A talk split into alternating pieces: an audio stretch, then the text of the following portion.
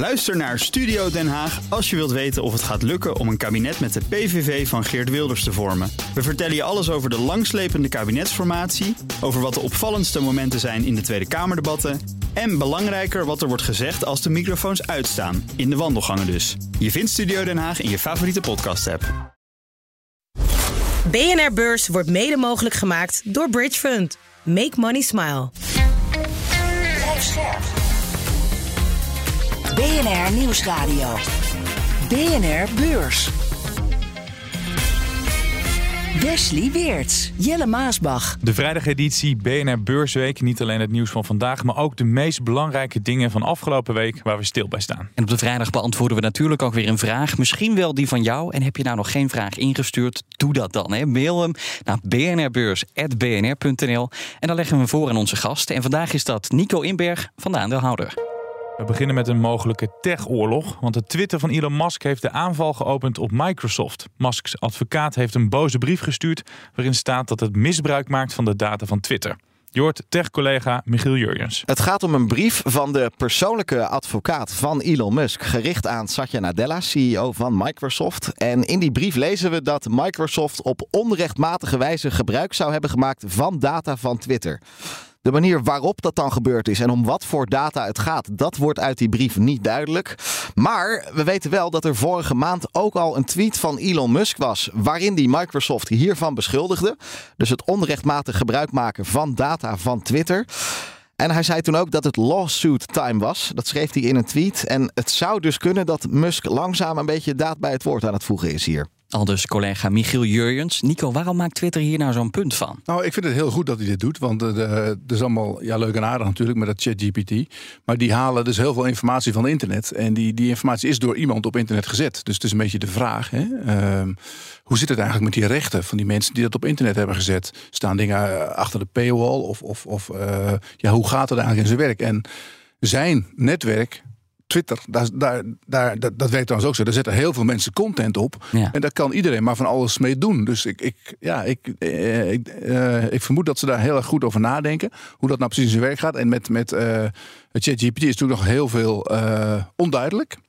Maar er moeten wel dit soort dingetjes worden uitgevochten. Maar is Musk ook niet gewoon een beetje gepikeerd? Want hij stapte eerder natuurlijk uit OpenAI en daar heeft Microsoft nu dan succes mee. Ja, ja nee, natuurlijk, dat speelt ook. Maar hij wilde eerder al dat ze, ze volgens mij een half jaar stilstand zouden hebben bij, bij de ontwikkeling daarvan, zodat hij zelf die achterstand zou kunnen inlopen. Uh, maar dat, dat, ja, dat, wordt een enorm gevecht, want het, het is een enorme kans, hè, AI. Um, en, en alle bedrijven die azen daarop wereldwijd. Dus ja, daar wordt echt, dat gaat om heel, heel veel miljarden.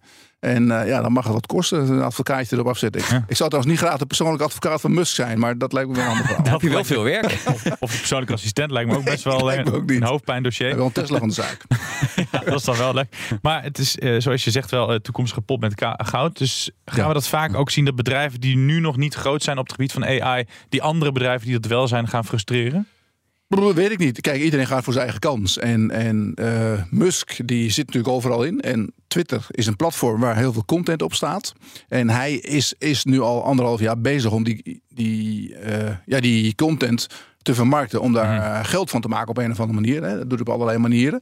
En ik denk in dat die context moet je ook een beetje zien dat hij probeert op zijn eigen manier daar met. met, met want hij, hij is de eigenaar van heel veel content. Dus daar kan hij iets mee, daar kunnen anderen iets mee. En dat wil hij natuurlijk zo duur mogelijk verkopen. Ik moest ook heel erg denken aan toen, uh, ik weet niet of je dat nog weet, die rechtszaak van Apple en Samsung. Over en weer rechtszaken. Ja. Uh, aan het eind van de rit was er geen winnaar. Ja, de advocaten, die waren ja. de winnaar natuurlijk. Uurtje factuurtje. Gaan we daar hier ook naartoe? Dat bedrijven over en weer elkaar gaan uh, bestoken met, uh, met Ja, nou ja, goed, moeilijk te zeggen natuurlijk. Maar dat, dat mag je denk ik wel verwachten. En uh, voor dat advocatenbusiness is het goed werk. En wordt het dan ook een techoorlog om AI? Dat hoeft niet beslist, maar het is natuurlijk wel. Uh, het, het, de, ja, ze gooien er allemaal heel veel geld tegenaan. Ze gooien er heel veel uh, IT'ers tegenaan. Hè, om zoveel mogelijk uh, zo snel mogelijk door te ontwikkelen. Dus ik ben heel benieuwd hoe dat gaat uh, uitpakken. En wie, ja, wie er straks uiteindelijk de, de partij is die ermee vandoor gaat. Of dat het gewoon iets opens wordt. Hè, waar iedereen zijn ding mee kan doen. Net als bijvoorbeeld ja, nu met internet. Dat heel veel mensen er voordeel van hebben. Maar uh, zoals het er nu naar uitziet is Microsoft degene die, die, die voorop loopt. Dus dat is degene die je moet hebben. Ja wie er achteraan zit. En uh, gaan we kijken hoe het zich gaat ontwikkelen. Als belegger word je ook een beetje meegezogen. Dus hoe voorkom je nou dat je een speelbol wordt van al die bedrijven die elkaar beconcurreren, rechtszaken aanspannen? Ja, het is op het moment een beetje een hype. Hè. Je leest nu, ja, uh, je leest inderdaad links en rechts al van de vijf aandelen die, die gaan winnen met AI en dat soort dingen. Dat ja. doet me een beetje denken aan 20 jaar geleden. Maar je ziet nu bijvoorbeeld, dat, dat wordt nu echt wel bekend. Bijvoorbeeld, en als je kijkt naar Nvidia, die, die, die verkoopt nu heel veel van die, die GPU-dingen.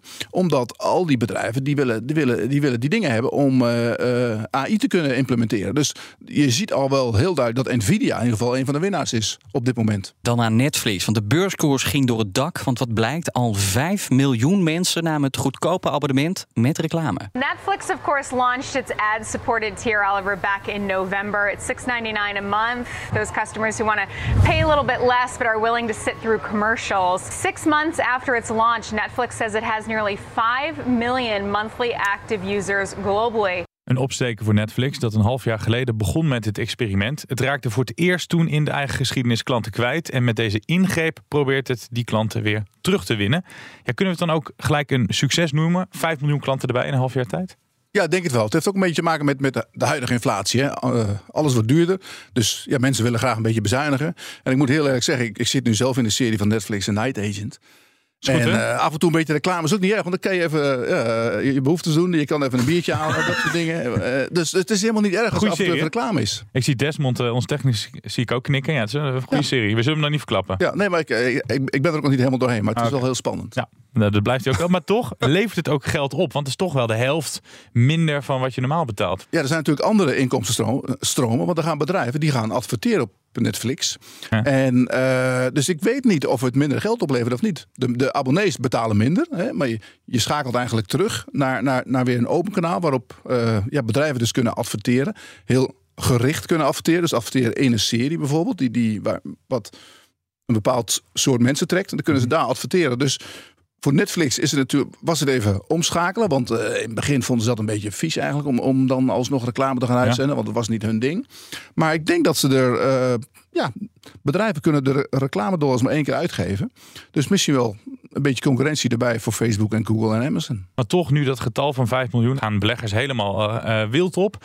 Uh, ja. Koers ruim 9% omhoog. Maar toch een paar weken geleden kwamen ze met de kwartaalcijfers. Kwamen ze ongeveer met dezelfde boodschap dat dat model wel goed liep. En nu gaat die beurskoers zoveel omhoog lopen. Die beleggers niet veel te veel achter die goed nieuws show van net. Zou kunnen. Ik moet zeggen, het sentiment is nu wel iets anders. Je ziet ook dat de Nasdaq opeens heel goed ligt. Afgelopen dagen gaan we alleen maar omhoog. Ja.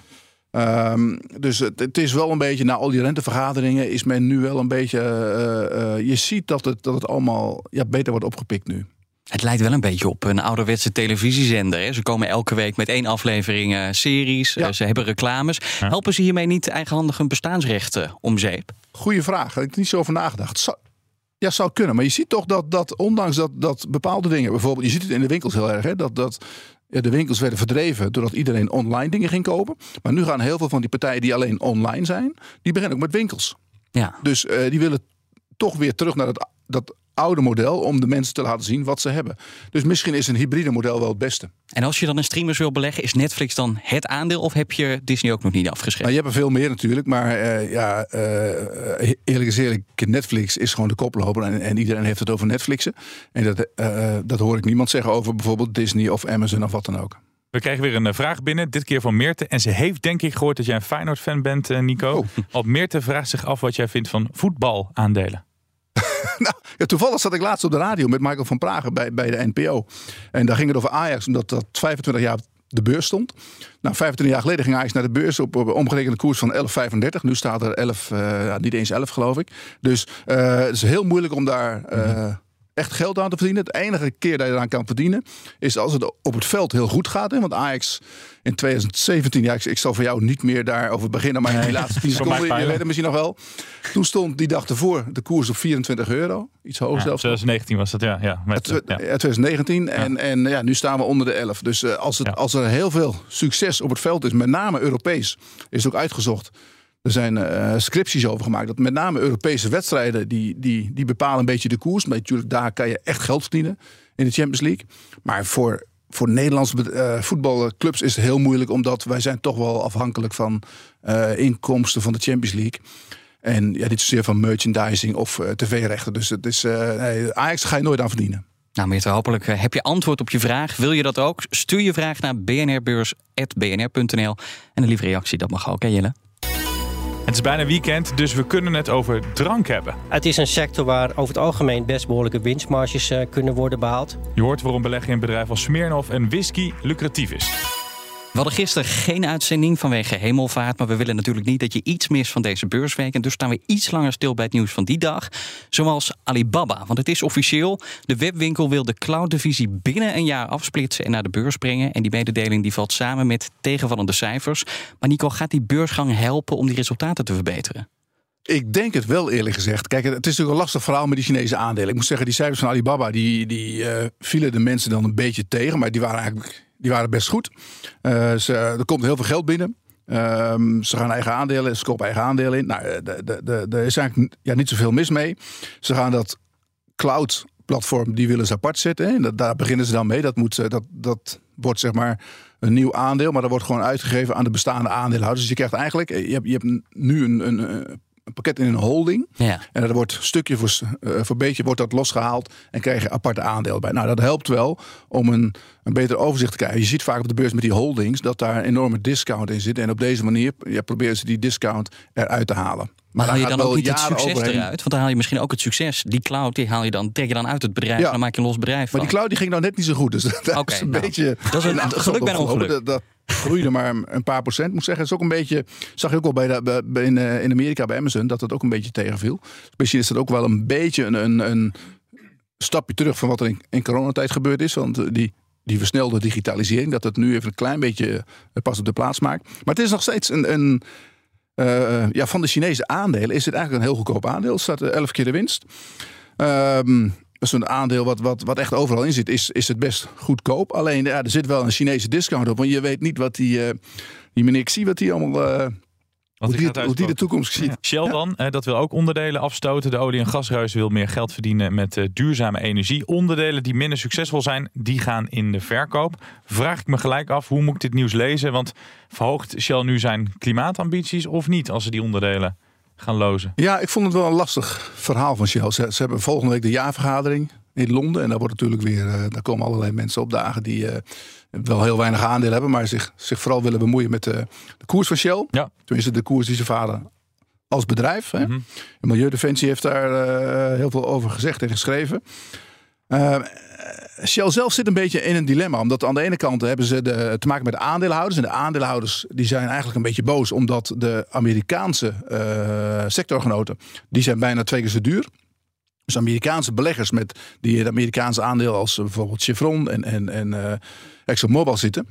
Uh, die betalen twee keer zoveel voor de, de activa dan de aandeelhouders van Shell. Dus Shell is eigenlijk veel te goedkoop. Die die koers had, uh, ja, denk ik, bijna uh, 80 tot 100% hoger moeten staan.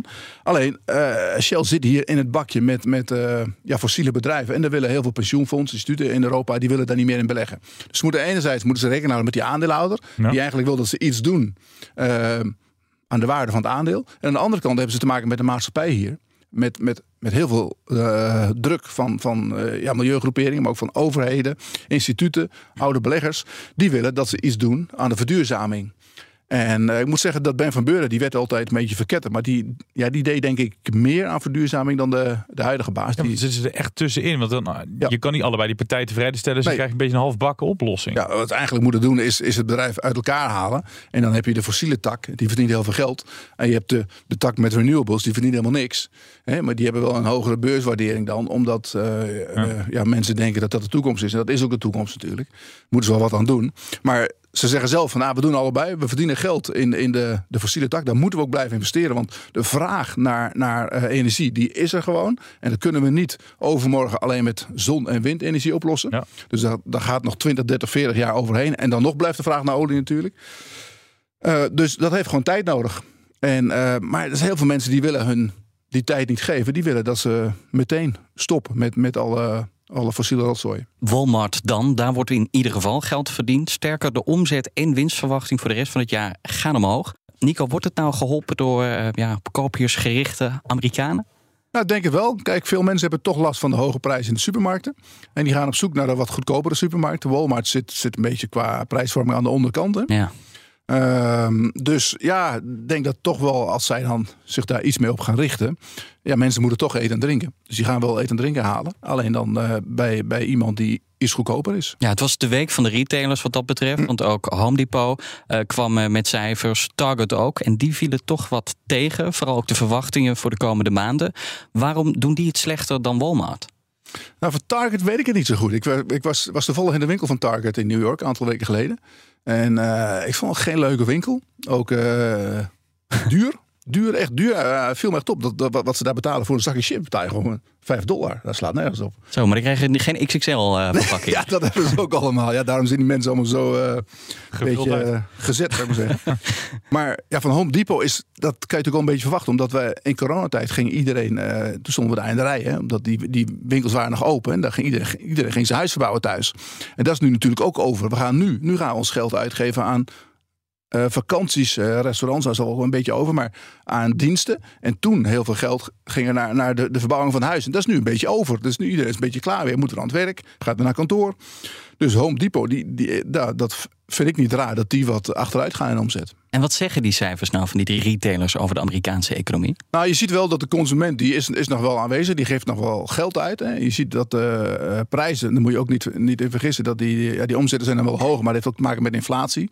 Dus de volumes die zijn niet zo heel veel hoger, soms zelfs lager. Maar omdat alles een stukje duurder is, maken ze ook veel meer omzet.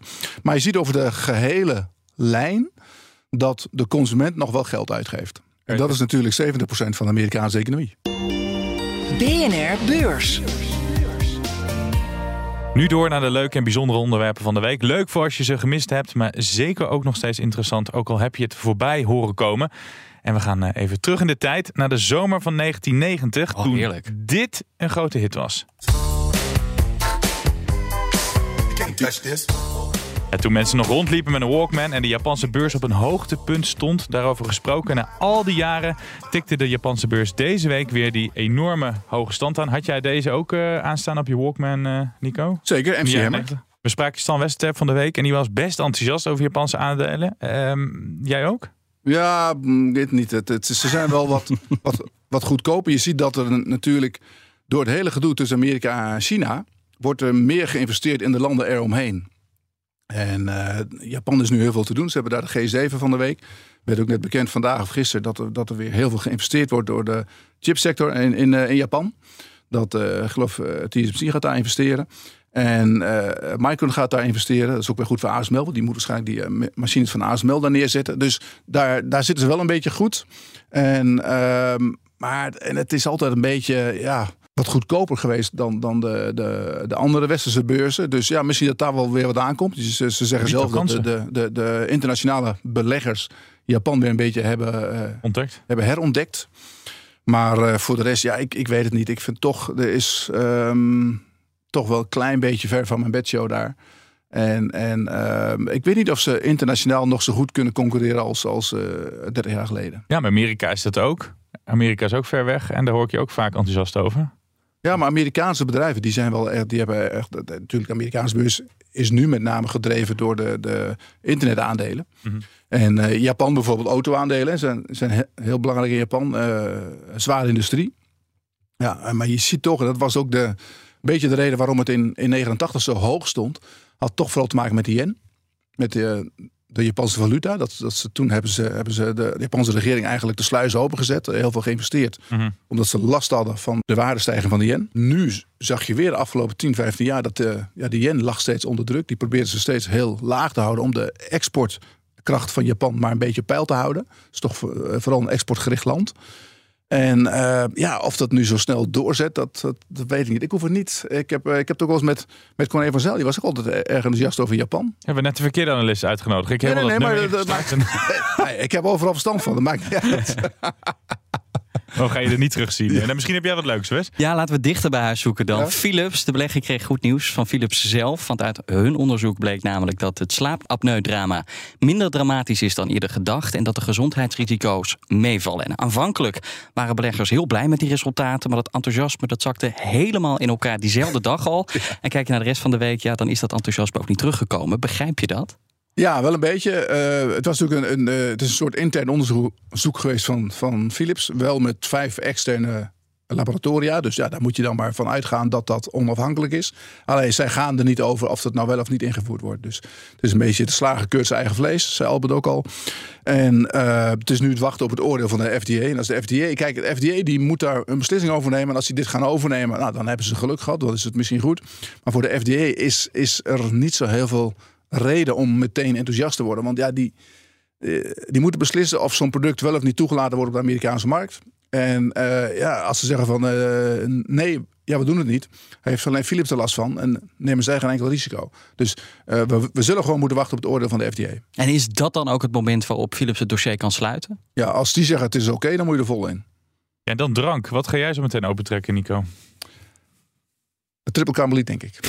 Heel goed. Ja. ik vraag het omdat we het uh, eerder hadden over beleggen in drankaandelen. Good old Warren Buffett stapt namelijk in het bedrijf achter Smirnoff en Johnny Walker. En dus vroegen we ons bij BNR Beurs af hoe interessant zijn die, ja, die bedrijven. Dus nou, kom maar door met je woordgrap. Dronken van geluk of uh, scheelt een slok op de borrel? Nee, ja, scheelt Nou ja, hoe je hebt in Nederland, je naar die, in Nederland heb je zo'n bedrijfje, Lucas Bols. Ja. Die valt een beetje tussen, tussen uh, tafellaken en servet. Ja, ja. En, en, en dat schiet allemaal niet op. Heel goedkoop aandeeltje is dat eigenlijk. maar een beetje in de marge, zeg maar. Um, maar de, de grote drankaandelen, ja, dan heb je het over Pernod Ricard. Maar ook bijvoorbeeld LVMH, hè, die, die verkopen ook drank, dure drank. Oh. Daar zit volgens mij ook whisky in en, en uh, cognac, Hennessy. LVM, de H van H van LVMH is ja. Hennessy. Dat is cognac. bijna vergeten, al die mooie dure tassen. En, ja, uh, dus dat, dat, dat loopt natuurlijk ook uh, best wel goed. En um, je ziet wel dat ik moet kijken hoe dat, hoe dat met wijn gaat. Maar bijvoorbeeld uh, als je kijkt naar het aandeel Heineken, waar ook die, die speciaal bieren in zitten, dat loopt ook best goed. Dus ja, de, de mensen drinken wel door. Ik, ik, kan geen, ik kan me geen land in de wereld opnoemen waar, waar, waar de mensen niet graag een bolletje lusten. Dus jij bent wel redelijk enthousiast uh, hierover? Nou, enthousiast. Kijk, het, uh, wat je vaak ziet met deze aandelen is dat die zijn niet goedkoop. Ook omdat het vaak ja, bestendige business is. Hè? Want mensen drinken altijd door. Tuurlijk soms van het ene merk naar het andere merk. Maar het zijn, zijn uh, ja, stabiele omzetten. Dus dat geldt ook voor Heineken. Is dat altijd uh, tussen de 17 en 20 keer de winst. Um, dus ja, is niet goedkoop. Maar vooral als ze sterke merken hebben. Bekende merken. Wat altijd doorgaat. Wat altijd weer, weer uh, ja, boven komt drijven. Dan wordt daarvoor betaald op de beurs. Nou, we kunnen bijna aan de drank. Maar we gaan eerst alvast kijken wat er volgende week op de agenda staat. We beginnen met Ryanair. Het bedrijf komt met kwartaalcijfers en de vorige keer zette de budgetmaatschappij nog een recordwinst in de boeken. Of de toegenomen vraag naar vliegen en de gestegen ticketprijzen weer voor een dikke winst zorgen, dat hoor je deze ochtend. Verder is het de beleggersdag van JP Morgan Chase en de aandeelhoudersvergadering van groothandel BNS Group. Dat Nederlandse beursfonds kwam laatst met hele goede cijfers, maar toch rommelt het. Zowel de CEO als de vicevoorzitter en tevens groot aandeelhouder stapten begin dit jaar op. Volgens het bedrijf spelen er kwesties rond mogelijke belangenverstrengeling die onderzocht moeten worden. We zijn bijna bij het einde van deze aflevering en we dachten we sluiten eens een keer af met een weekendtip. Dus iets dat je nog even kan lezen of kijken of iets waar je deze week nog uh, niet de tijd voor hebt gehad. Dus ja, Nico, wat wil je de luisteraar meegeven? Heb je nog wat leuks? Het weekendtip? Ja, ik zou zeggen, ja, geniet lekker van het zonnetje. We hebben eindelijk mooi weer. Dus uh, maak je niet al te druk over wat er allemaal... Uh... Hoezo wist ik dat je dat ging zeggen? Uh, ja, nee, het is, ik, ik, kijk er echt naar uit. Lekker, je hebt, je hebt net op een, op een idee gebracht. Lekker biertje opentrekken zometeen. Ja, met je, je bolletje in het zonnetje. Goed wel insmeren. Goed insmeren, ja, precies. Ja. Misschien goed insmeren, dat is de tip van de week. nou, dankjewel. Nico Inberg van de aandeelhouder. En dit was BNR Beurs voor de vrijdag. Wij zijn er maandag weer. Tot maandag. Tot maandag. BNR Beurs wordt mede mogelijk gemaakt door Bridge Fund. Make money smile. Ook Thomas van Zeil vind je in de BNR-app. Je kunt live naar mij luisteren in Zaken doen. De BNR-app met breaking news, het laatste zakelijke nieuws... en je vindt er alle BNR-podcasts, bijvoorbeeld Het Nieuwe Geld. Download nu de gratis BNR-app en blijf scherp.